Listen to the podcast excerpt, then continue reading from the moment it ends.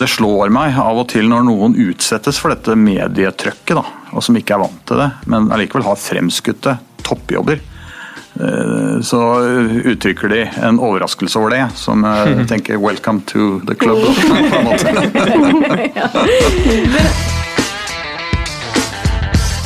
Hei og velkommen til ny episode av Deloitte-kast. Og velkommen, Guro. Ja, hallo, Andreas. Velkommen til deg òg. Tusen takk. I dag skal vi snakke om ledelse, og vi skal snakke om beslutninger, og ikke minst vanskelige beslutninger. Um, og ja, Det å ta beslutninger er kanskje noe av det viktigste en leder gjør, eh, egentlig. Um, selv i disse dager hvor eh, medarbeidere skal på en måte være så delaktige som mulig og ta egne beslutninger, så er det noen ganger kanskje nødvendig å skjære igjennom. Men ikke sant, Både det å ta beslutninger, men også selvfølgelig viktig for en leder å få med seg de rundt seg. og prosessen fram til det, og etterpå, og kommunikasjon rundt eh, beslutninger. Ja, ikke sant? Hvordan legger du fram en beslutning på en overbevisende Ja. og inkluderende måte også? Og vi har en veldig spennende case da, her i dag. Ja. Et eksempel på en veldig vanskelig beslutning, nemlig eh, røykeloven, som vi også skal komme inn på. Mm, Så det ble veldig spennende, og en, det er jo en beslutning som var svært vanskelig å ta. Ja. Og det er noe vi skal inn på i, i dag. Altså hvordan tas de virkelig vanskelige beslutningene? eh, Og hvordan oppleves det som leder å sitte i det når det virkelig stormer? Eh, Og hvordan får man med seg folk slik at beslutningene faktisk blir satt ut i liv? da? Og til å snakke om eh, dette, så har vi med oss eh, generalsekretær i Kirkens Nødhjelp og tidligere leder for KrF og helseminister. Og da røykelovens far, som du kanskje kalles blant mange, Dagfinn Høybråten. Velkommen. Tusen takk for det. Og leder for Human Capital i Deloitte Norge, Karin Frost. Velkommen til deg også. Takk for det. Tenkte først, altså Før vi dykker inn og snakker om eh, røykeloven, eh, Dagfinn, så er det jo da 16 år siden den kom. Eh, Du har jo gjort mye etter det. Og Spennende også å høre om i den konteksten av det tematikken her. Også dine erfaringer som, som leder. Så kunne du fortalt oss litt kort hvordan du nå endte opp som generalsekretær i Kirkens Nødhjelp?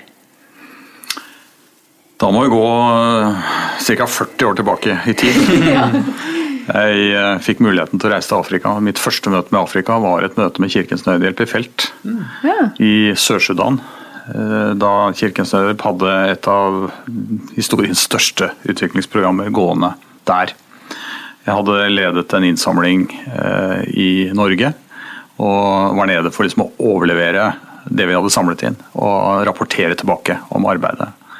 Og jeg ble fascinert, eh, ikke bare av Kirkens Nødhjelp, men ikke minst av kontinentet.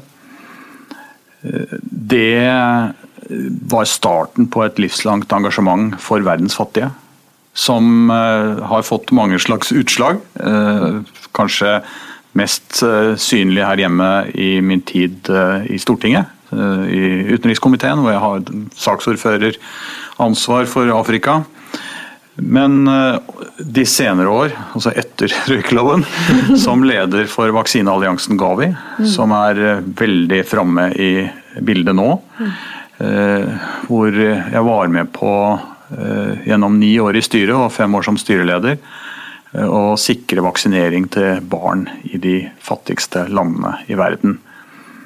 Det mm, var derfor veldig naturlig når Kirkens Nødhjelp kom opp som en åpen og ledig posisjon. eh, At jeg meldte meg, for jeg var akkurat ferdig da i København etter noen år i Nordisk ministerråd. Eh, Tenkte på hva jeg skulle gjøre eh, når jeg ble virkelig stor. Og mm, da bød denne muligheten seg. Og vi fant ut at vi tenkte nokså likt, styret og jeg, om hvordan det skulle bli. Så jeg føler at jeg har en rolle, et ansvar, en oppgave nå som summerer opp veldig mye av det jeg har stått for gjennom livet. Og hvor jeg får bruke veldig mye av det jeg har lært. Så spennende. Hvordan syns du det har vært å gå fra det å være politisk leder til leder for en organisasjon, da? Det har gått forbausende bra. Eh, Da jeg eh, sluttet eh, på Stortinget i 2013, så var det en moden beslutning, som jeg tok fire år tidligere, egentlig. Det var ikke så mange som trodde på det da, men det var sånn. Eh, Det skulle være min siste periode på Stortinget, for jeg ønsket å gjøre noe annet enn å ende opp på Stortinget.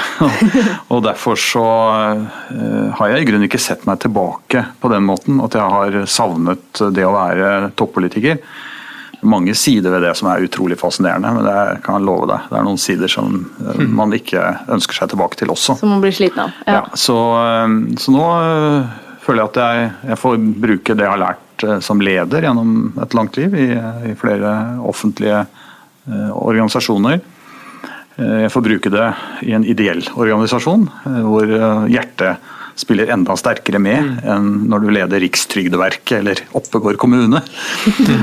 Og jeg får eh, eh, gjøre det i en tid som er en, en global krisetid, men hvor vi som jobber med hygiene og vann og forebygging virkelig kan være en del av løsningen. Så det er dypt meningsfylt. Så vi som sitter litt sånn på utsiden av den politiske verdenen, så, så kan det jo virke som at noen prosesser tar veldig lang tid i, i eh, politikken. Er det noe av det, og den beslutningsprosessen når vi, når vi faktisk snakker om det, er det, kan det være noe av det som var det du ble, ble litt lei av, eller var det noe helt annet? Ja, jeg skal innrømme at eh, de eh, årene jeg var i eh, regjeringskvartalet, i ulike roller, som politisk rådgiver, statssekretær og statsråd i to regjeringer, var den delen av politikken jeg trivdes best med. Altså det utøvende, der du sitter med det daglige ansvaret og kan gjøre en forskjell eh, der og da.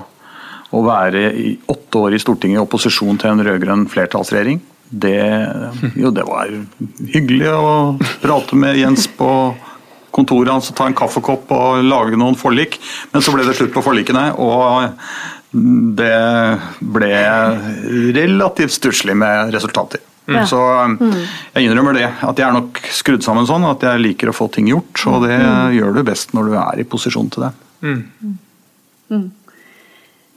Hva med, mm, skal vi- hva med deg, Karin? Du er jo ny i rollen da, som eh, leder av eh, Human Capital. Hvordan, eh, hvordan har det vært?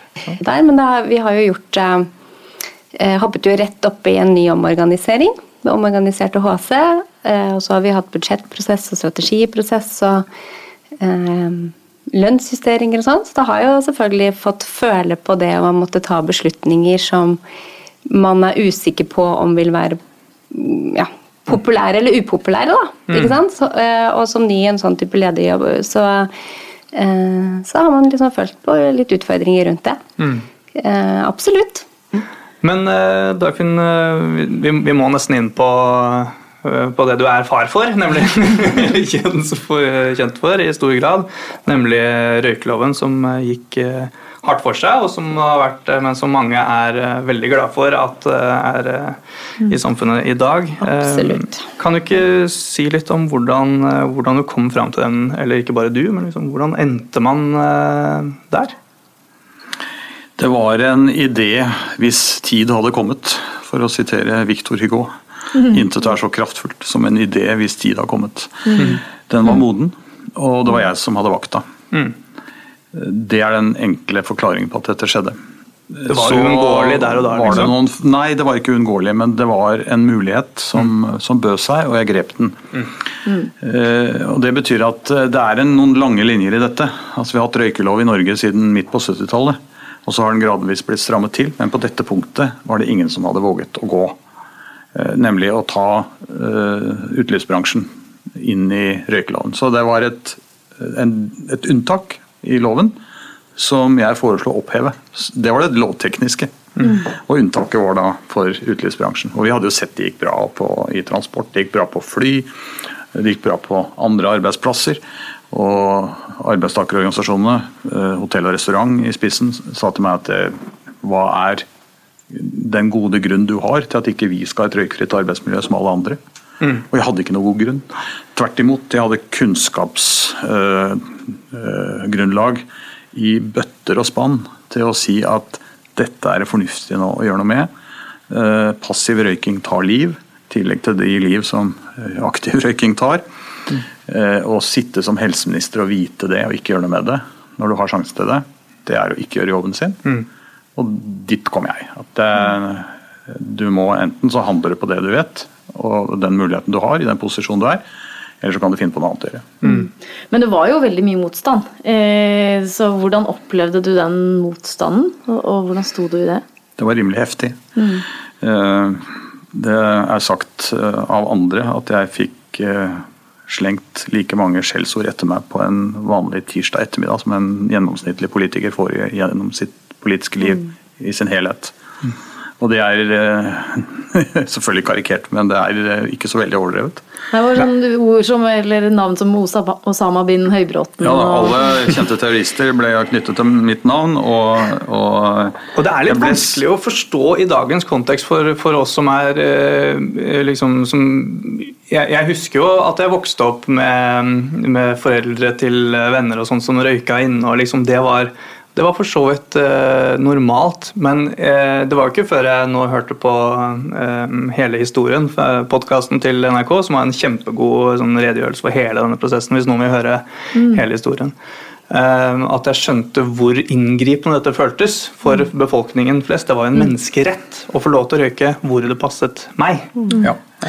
Og for meg ble det da å sikre retten til ikke å røyke for alle. Også de som ikke hadde noe valg når det gjaldt å oppholde seg på utestedene. Um, Ja, de som jobbet Spesielt der. de som jobbet der. Så det ble en arbeidsmiljøsak, og det var vel en av grunnene til at det var politisk. Uh, I tillegg til at uh, jeg da fikk regjeringen motstrevende motstrebende med meg på dette. Eh, Hvordan det var altså Jeg kan si at eh, det var ikke behagelig. og Det det begynte å komme trusler, det var eh, kampanjer i det som da var eh, kanalene. altså SMS-kampanjer. ikke sant? Eh, Tenn et lys i vinduet og be en stille bønn om at Høybråten ikke må bli gjenvalgt eh, til. eh, Drapstrusler. Og politivakt eh, 24 timer i døgnet for både meg og min familie. Så klart at det er ikke greit. Verken da eller nå. Så kan man si var det verdt det? Ja. For meg vil jeg svare absolutt ja. Tvilte du underveis? Ja, jeg tvilte meg fram til det standpunktet jeg tok. Fordi motforestillingene var mange, og de kom fra øh, ikke fra fagbevegelsen, for der var de veldig entydige. Legeforeningen var entydig for, men de fleste andre var øh, kritiske. Noen var øh, fundamentalt imot. Det var en veldig heftig debatt, og det var jo fremtredende medisinere som gikk imot det, som Per Fugelli. og Politisk var Jon Alvheim, helsepolitisk talsmann og leder av helsekomiteen fra Fremskrittspartiet, voldsomt sterke i uttrykket. Og det var jo eh, fristende, selvfølgelig, å ta hardt imot meg, fordi at jeg eh, ble jo i denne perioden også leder for KrF. Så alle mulige kombinasjoner av eh, moralisme og mørkemannsbilder og som ble manet fram eh, mot denne helseministeren som var så klin gæren og foreslo noe sånt. Men jeg hadde, jeg hadde et godt og solid faglig grunnlag for å gjøre det. Og jeg så det som nødvendig hvis jeg skulle gjøre det jeg var satt til å gjøre. Men var det, var det et kupp, det der, eller var det noe du hadde støtte for? Det var ikke et kupp. Eh, Det var eh, en eh, sak som var utredet. Den hadde vært på høring. Eh, Analysene viste at eh, den ordningen de hadde med halvparten av plassene i restaurantene røykfrie, og halvparten hvor man kunne røyke, fungerte ikke. Var røyk overalt. Eh, Og lovforslaget som vi lagde, ble sendt på høring. Alle fikk uttale seg før regjeringen tok standpunkt. Det som jeg gjorde i den saken, som jeg vanligvis eh, ikke gjør, det var at jeg la ganske mye av meg sjøl i det høringsforslaget. Selv om jeg visste at regjeringen ikke hadde satt stilling. Mm. Så bygde jeg opp en fallhøyde for meg selv, som i ettertid da eh, tydelig overbeviste noen om at eh, vi måtte støtte Dagfinn. Fordi ellers så har vi han ikke med oss lenger her. Ja, var det Eh, Det var jo da eh, utslagsgivende, tror jeg, for at Høyres leder Jan Petersen den gangen eh, gikk til Høyres stortingsgruppe og sa det blir som Dagfinn har sagt. Fordi du hadde lagt så mye arbeid i det, og så mye eh, liksom, innsiktsarbeid, er det det du sier?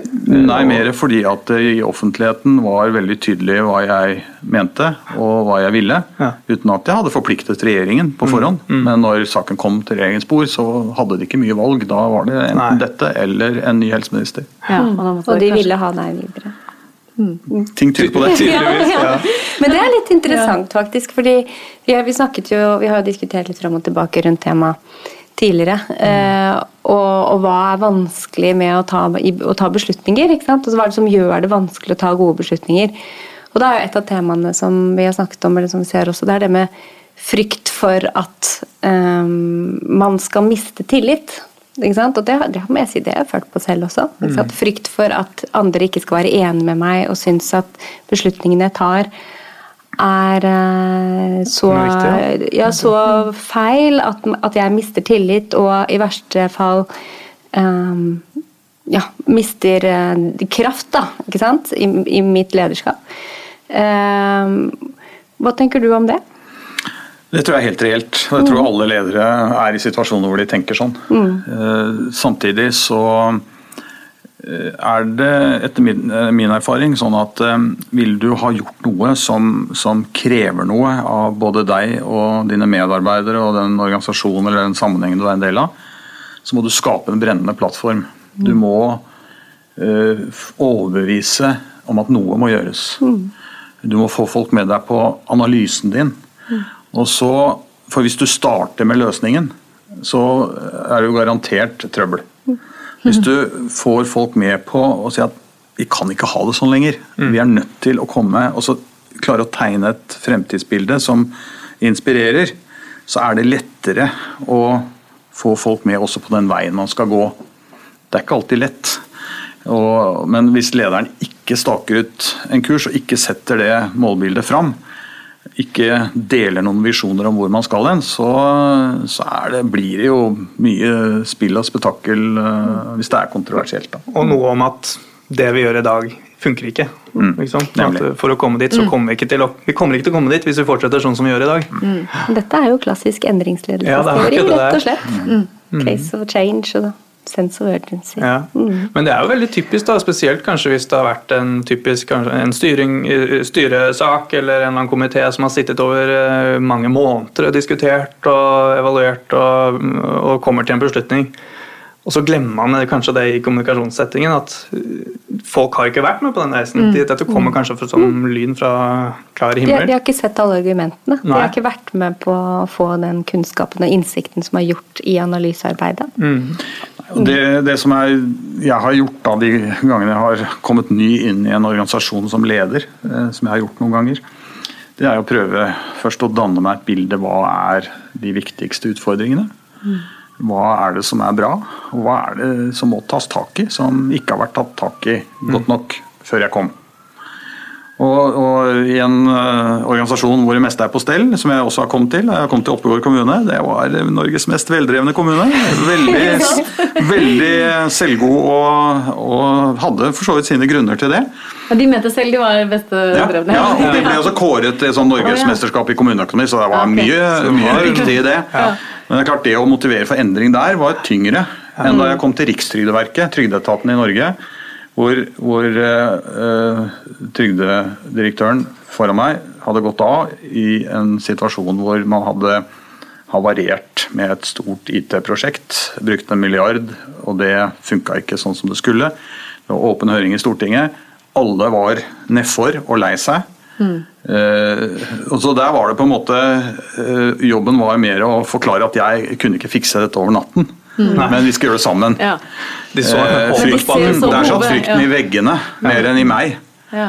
Men, men, en mye mer takknemlig situasjon å komme til, fordi at analysen var synlig for alle. Det var ikke mm. noe, jeg trengte ikke veldig mye lang tid på å gjøre meg opp en mening om hva som trengtes. Men jeg måtte ha folk med meg. Mm. Sånn at det der er situasjonsbetinget, da, som også er viktig å ha med seg i ledelse. Mm. Man er nødt til å forstå situasjonen. Det er ingen oppskrift som funker hver gang. Nei, ikke sant. Forstå konteksten og organisasjonen. Ja, Og så få folk med. Altså, vi, vi, eh, vi lever ikke på 50-tallet, hvor sjefen med stor S kan bare sitte i eh, og klekke ut den gode planen og komme og presentere den og si at nå gjør vi sånn. Eh, vi, har, vi leder stort sett kunnskapsorganisasjoner med folk som er mye flinkere enn lederne. Og hvis ikke de er med, forstår, bidrar og liksom kjøper planen, så har du ikke mye sjanse. Du varer ikke lenge som leder. et sånt sted. Men er det en stor forskjell fra det å på en måte få gjennom en beslutningsprosess i en organisasjon eller virksomhet, i motsetning til i politikken? Ja, politikken er jo spesiell. Det er jo demokrati, ikke sant. Så det, der gjelder det jo å, vinne et flertall, og, og, aller helst en konsensus hvis det skal vare over tid.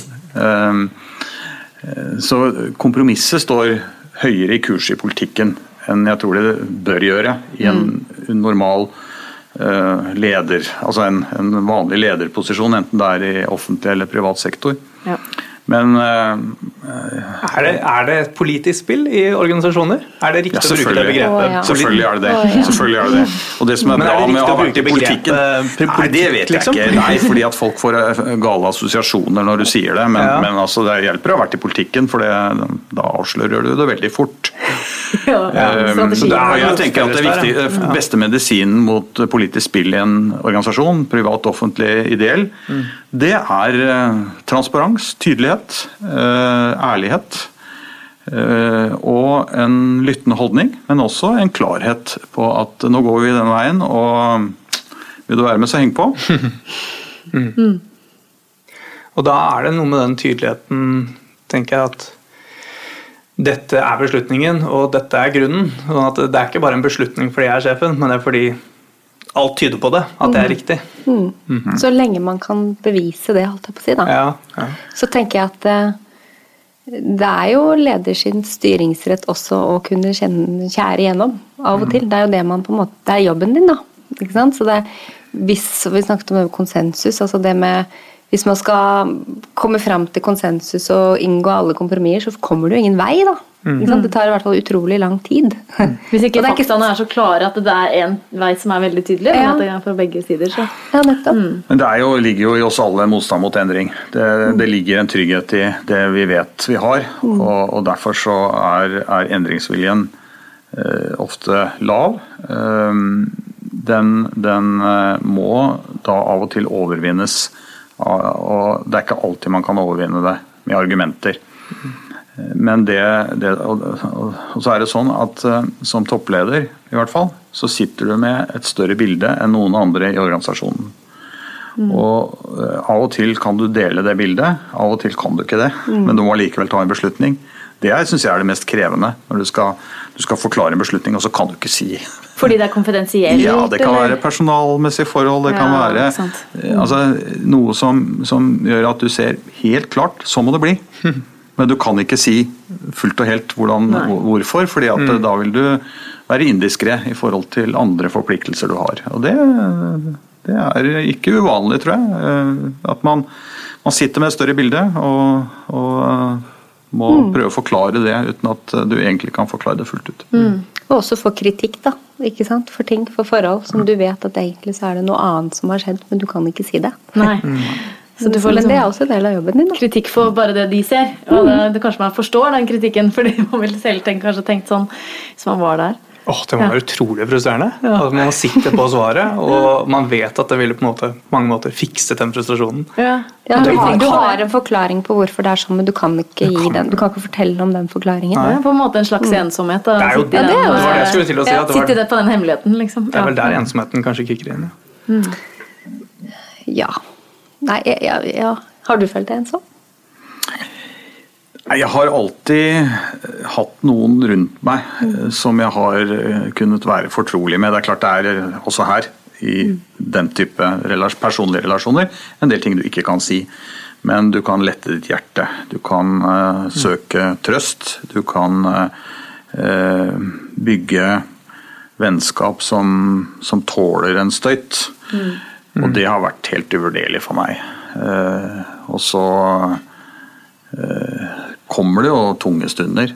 Eh, men det, sånn er det i livet. Altså, hmm. det, det, er jo ikke sånn at livet går på skinner for alle hele tiden. Og heller ikke for ledere. Mm. Man, man, er ikke laget av stål. Man har følelser og, og reagerer jo med både skuffelse og eh, frustrasjon, og av og til sinne. Det som er eh, kunsten, er jo å ta det ut i de rommene hvor det er eh, riktig å ta det ut. Og mm. som leder er det færre rom å ta det ut igjen. Ja. Og kanskje det er utenfor organisasjonen? Ja, som regel vil det være det. Det er klart at du, du vil alltid ha noen fortrolige i en ledergruppe som du kan dele mer med. Eh, så Jeg kan vel ikke si at, jeg, jeg har, at ensomhet har vært det som har preget mitt, mitt lederskap i særlig grad. Men at du, at du sitter med et stort ansvar og en høy risiko ved å være leder, det er jeg ikke tvil om. Men det har du på en måte skrevet under på i kontrakten at du skal ta. Det er en del av eh, gamet. En del av eh, et problem som man kanskje ofte støter på, er det at eh, man kan ta en beslutning og bruker tid på det, typisk i en ledergruppe eller en annen form for komité eller team. Og man blir enig og å ta beslutningen, men så opplever man kanskje ikke at det går like raskt, eller at det ikke implementeres av en eller annen grunn. Eh, kanskje det har gått for raskt, eller kanskje folk i realiteten ikke egentlig var enig. Har dere opplevd noe sånt? Eh, jeg har opplevd at man har måttet ta ekstra runder mm. rundt beslutninger som egentlig i utgangspunktet har vært tatt. Eh, og det har skyldtes at det har dukket opp ny informasjon, mm. eller at jeg kan være ærlig og også innrømme at det, det har vært særlig én episode hvor det var magefølelse. Mm. Hvor jeg følte at dette her ble jo litt feil. Jeg er sikker på at dette her ble sånn som vi ville ha det, og så åpnet vi det igjen. Ehm, jeg er glad for at jeg gjorde det. Mm. Det ble bra. Um, men det å få folk med, da er vi litt tilbake til det med endringsledelse som vi snakket om i sted. Mm. Det med at man uh, forstår situasjonen, forstår målet man ønsker å oppnå. Tar kunnskapsbaserte beslutninger på at man, har, at man har god tilgang til informasjon og data. At man, at man kanskje er enige om hva som er utfordringer og hva det er man ønsker å løse. For det har også vært eh, kan være krevende. At, at man ikke har samme synspunkt. Ja. Men det, men det, er i utgangspunktet en fin ting. At man kommer fra ulike perspektiver og har ulike holdepunkter fra ulike ståsteder men, øh, og kan belyse ulike aspekter. Men det å diskutere seg fram til noe, da, mm. Uh, uten at det tar for lang tid. er det liksom en måte å, å sørge for, for, forpliktelse på, egentlig? Den, den type involvering? Liksom? Jeg tror altså, Involvering og forankring vil jo kunne være med på å skape eierskap, mm. uh, som er viktig å ha med seg i mange tilfeller. Uh, ja. Hvordan jobber du med å få forpliktelse i en gruppe? Det handler om å ta beslutninger som blir klare og tydelige. De må være skriftlige. Og det må være en frist for gjennomføring, og det må være klart hvem som har ansvaret. Dette er enkle greier, men det syndes veldig mye mot det. Altfor mye. Altfor mange beslutninger blir aldri gjennomført. Folk tror det blir gjennomført, men det blir ikke det. Fordi man har ikke vært klare på disse få tingene her. Da har man egentlig da tatt en beslutning i det hele tatt? Nei, Man lever i en illusjon om at man har tatt en beslutning og som beveger verden framover, men, men, det blir ikke gjort. Mm. Eh, så det å følge opp, da, tenker jeg er altså Det er så kjedelig, ja, det er men det er liksom. bare så nødvendig. Ja. Og du må vise som leder at du mener alvor med det du har vært med å, å beslutte, eller har besluttet selv. Eh, så folk må få den erfaringen. og Av og til kan det være nødvendig å sette et eksempel. da at, uh, altså når ting ikke blir fulgt opp. At det, at det blir ubehagelig. Mm. Uten at man nødvendigvis trenger å øke ubehaget, for det er ofte ubehagelig nok når man blir konfrontert med noe som ikke er fulgt opp. Men det, det tenker jeg er en kjedelig, men helt nødvendig del av det å få ting gjort. Mm. Folk må skjønne at det er alvor. Mm. Det, mm. Nå har vi snakket en del om endringsledelse, som jo kanskje kan si er den delen etter den vanskelige beslutningen, kanskje. Men, ja. men sånn, hvis vi tenker, snakker litt sånn, tilbake til sånn, hva som skal til for å kunne ta de vanskelige beslutningene i en organisasjon. Eh, vi har vært inne på noen ting. Nå er det flere ting som enten en leder må ha av egenskaper, eller organisasjonen må ha for at det i det hele tatt skal være mulig å ta de veldig vanskelige beslutningene. Jeg tror det aller viktigste er at man har en god situasjonsforståelse og klarer å, å uh, kommunisere den. Sånn at, at, man forstår at her, her, må noe vanskelig gjøres. Hvis ikke den er der, så blir, blir, man jo blåst av banen veldig fort da, som leder. Mm. Og så tror jeg det å Som vi har snakket om, å kommunisere målbildet og følge opp. Mm. Gå veien og vise at dette skal vi få til sammen. Det, det, det er avgjørende. Så må man som leder må man jo tåle å stå i en storm. Altså. Jeg, si sånn, jeg, jeg, har møtt uh, mange ledere i mange sammenhenger, og de fleste arbeidsplasser er ganske beskytta. Altså, På hvilken måte? Det du får, ja, I politikken så, så, er det jo sånn at det du gjør eller ikke gjør, det står jo i VG dagen etter hvis det er tilstrekkelig ja, kontroversielt. Mm. Så du må kunne stå for det i det offentlige rom. Det slipper de aller fleste ledere å gjøre. Ja. Så de kan ta seg bedre tid, og de kan uh, unngå den oppmerksomheten og det ubehaget, den offentlige oppmerksomheten. Og det ser jo, det er liksom pussig som tidligere politiker å se når noen som lever i den type mer beskyttede Jeg sier ikke at det er enkle roller, det kan være vel så kompliserte eh, lederroller, men de er beskyttet fra dette. Eh, som regel, hvis ikke det er Norwegian som er på randen av konkurs eller et eller annet, ikke sant? så er du der i Dagsrevyen hver dag. Eh, når man slipper det, så kan man eh, ofte kanskje ta seg bedre tid enn det man har. Man kan vike unna noe man egentlig burde ta tak i. fordi det, det presset uh, utenfra ikke er så sterkt. Så kan man ha press fra styret, man kan ha press fra sine medledere. Det er, det, er, mye som man skal forholde seg til.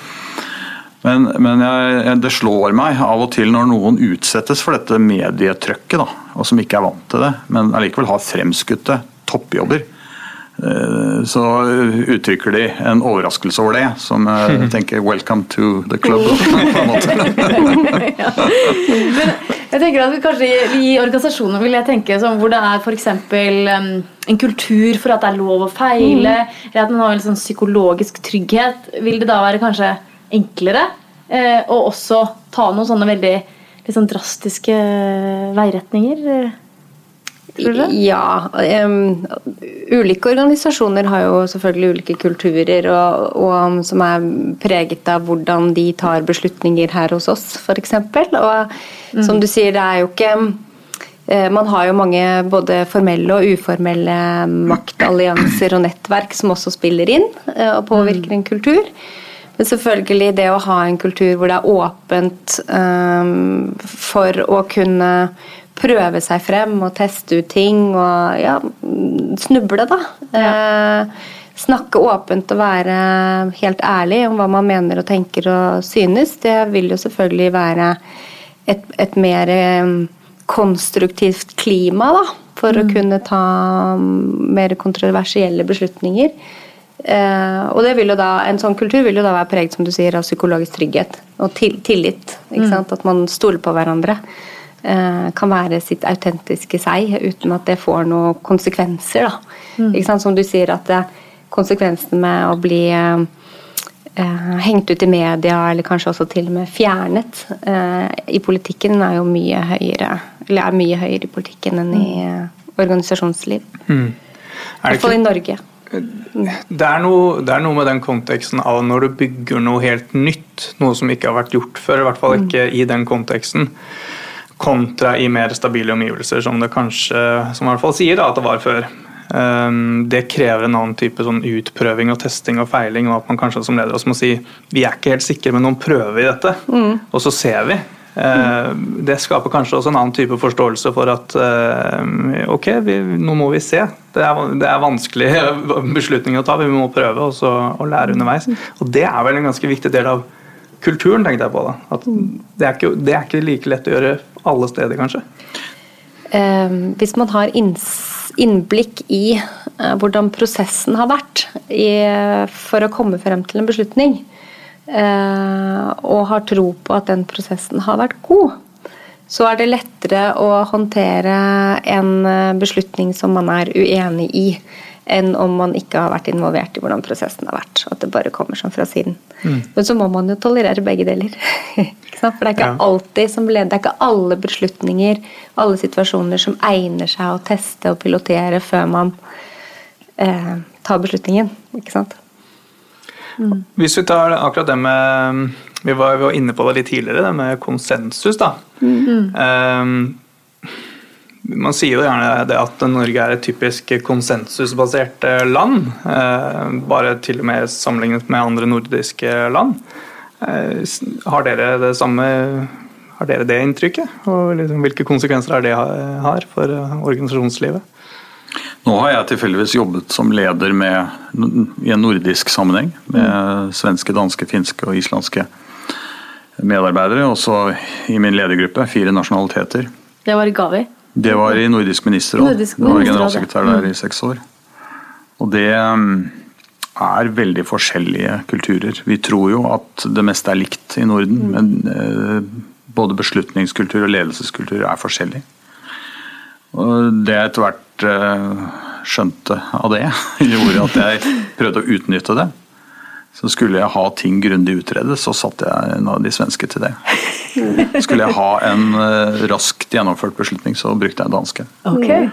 Og hvis jeg virkelig skulle ha utholdenhet over lang tid, så er det best å bruke en finne. Det er litt karikert, så beklager hvis noen kjenner seg støtt av dette, men, men eh, det har noe for seg at altså, Sverige har en mye sterkere konsensuskultur enn Norge har. Sverige er sterkere enn Ja. ja. Så Der er det nesten unntaket at man skjærer gjennom og flertallet bestemmer, eller lederen eh, tar avgjørelsen til slutt. Altså Der skal man ha prosess eh, til man blir enig.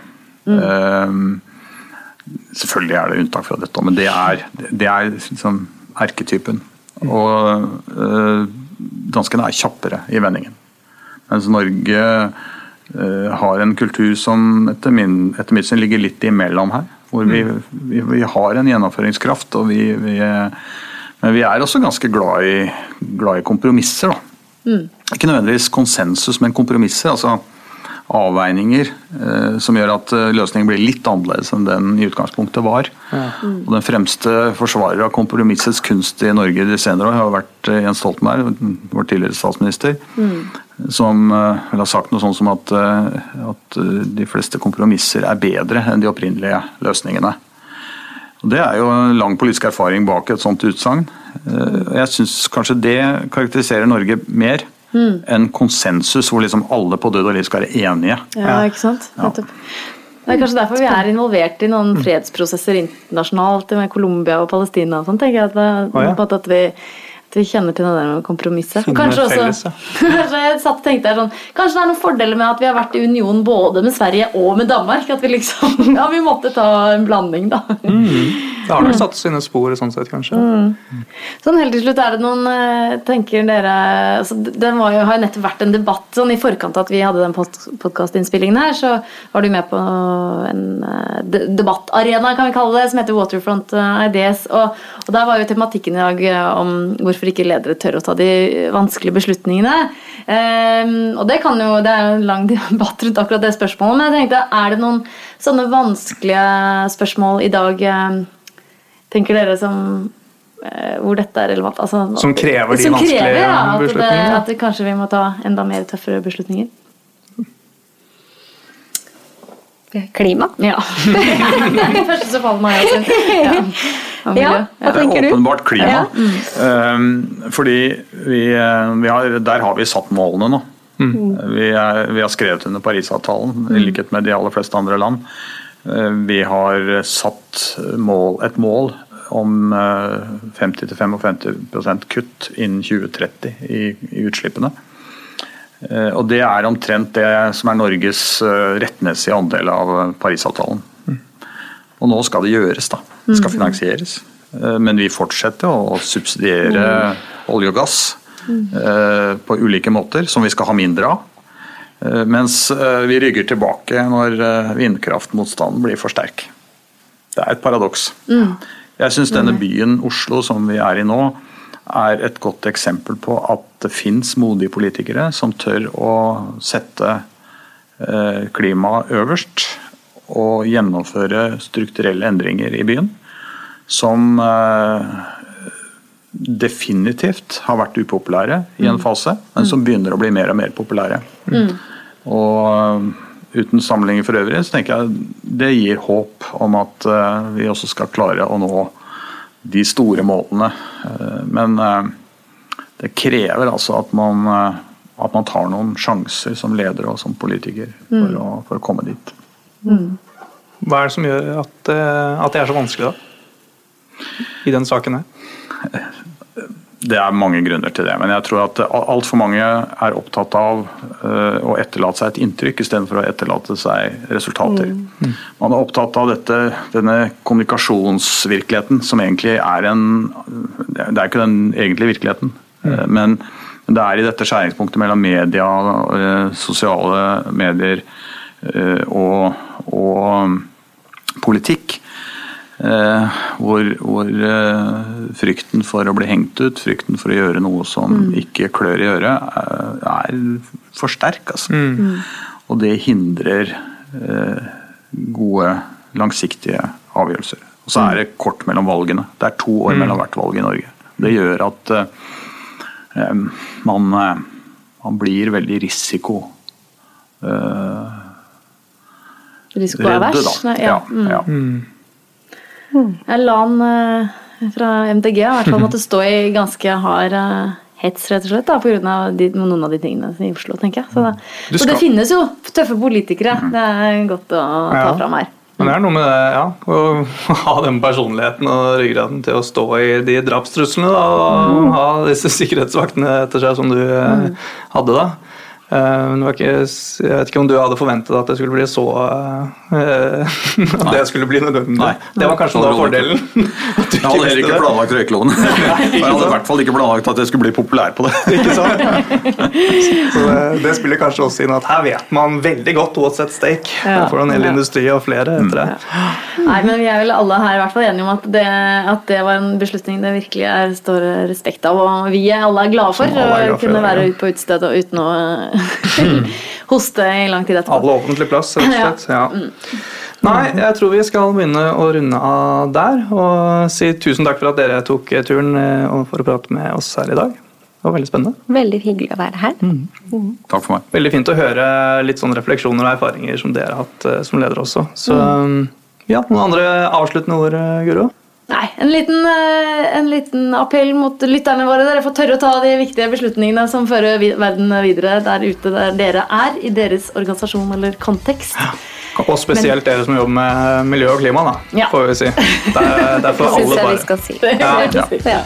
For det, ja, det er noe med at nå er tydelige mål eh, satt, og så må vi kanskje begynne å innse at det vi gjør i dag, ikke er godt nok for noen av de. Det, det begynner å haste litt. Men forstå konteksten du er i, og beslutningsprosessene som eh, du må gjennom for å klare å komme dit. da. Ja, ikke sant? Forankringen og Ikke bare beslutningen i seg selv. Nei, ikke sant. Ja, det er veldig fint, og Da tror jeg vi kan takke for i dag og si at eh, spørsmål og forespørsler om temaer de kan fortsatt sendes til podcast.deloitte.no.